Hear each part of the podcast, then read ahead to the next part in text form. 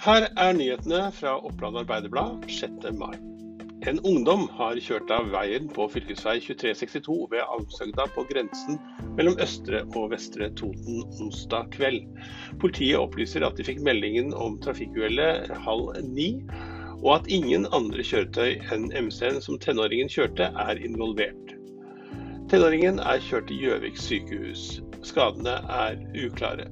Operasjonsleder Hågen Løvseth ved Innlandet politidistrikt opplyser til OA at det er mistanke om høy fart. Flere eiendomsmeglere i Gjøvik har akkurat sett på tallene for boligmarkedet i Innlandet. De tegner det samme bildet for Vest-Opplands del. Boligmarkedet i Gjøvik, Toten og Land fremstår som upåvirket av koronakrisen. Vi ser ingen store svingninger verken i demografi eller noe annet, men det er noen færre boliger i omsetning, sier meglerne samstemt til OA. Onsdag var 30 personer på visning ved en enebolig nord for Gjøvik. Regjeringen foreslår en ekstraordinær tiltakspakke for skogbruket på 50 millioner kroner i revidert nasjonalbudsjett. Formålet er å bidra til å få opp hogstaktiviteten i skogbruket etter at koronautbruddet har ført til redusert etterspørsel etter sagtømmer. I samarbeid med Sparebankstiftelsen DNB og mediekonsernet Amedia har Oppland Arbeiderblad delt ut 900 000 kroner til lag og frivillige i Vest-Oppland. En av de som fikk eh, penger, var Sørbyen barnehage, som har fått 78 000 kroner til å bygge en ny grillhytte ved barnehagen, som også andre i lokalsamfunnet skal få bruke.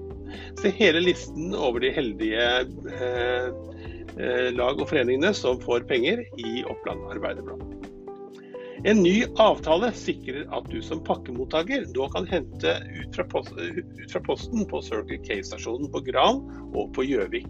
Både ved stasjonen på Kallerud i Gjøvik og ved stasjonen på Brandbu i Gran så blir det nå pakkeutleveringer. I tillegg skjer det samme ved Circle K-stasjonene i Brumunddal, Tynset, Furnes i Ringsaker og Menkerud på Lillehammer.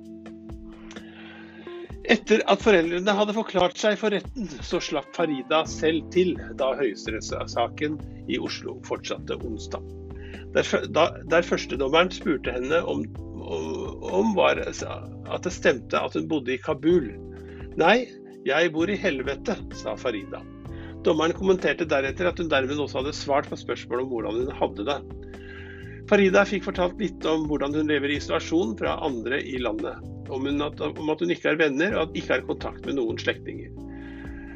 Hun kjenner heller ikke til at foreldrene nå har kontakt med slektninger. En av de som forklarte seg til støtte for Farida og familien, var Norges tidligere ambassadør i landet, Kai Eide.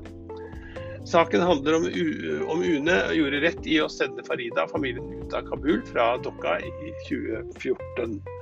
UNE forklarer seg eh, om saken i, i, på torsdag. Dette var noen av nyhetene du finner i Oppland Arbeiderblad i dag. Du kan lese flere nyheter utover kvelden på oa.no, eller du kan laste ned en av våre podkaster fra eh, Spotify, Apple Podcast eller andre steder du laster det eh, ting å lytte på.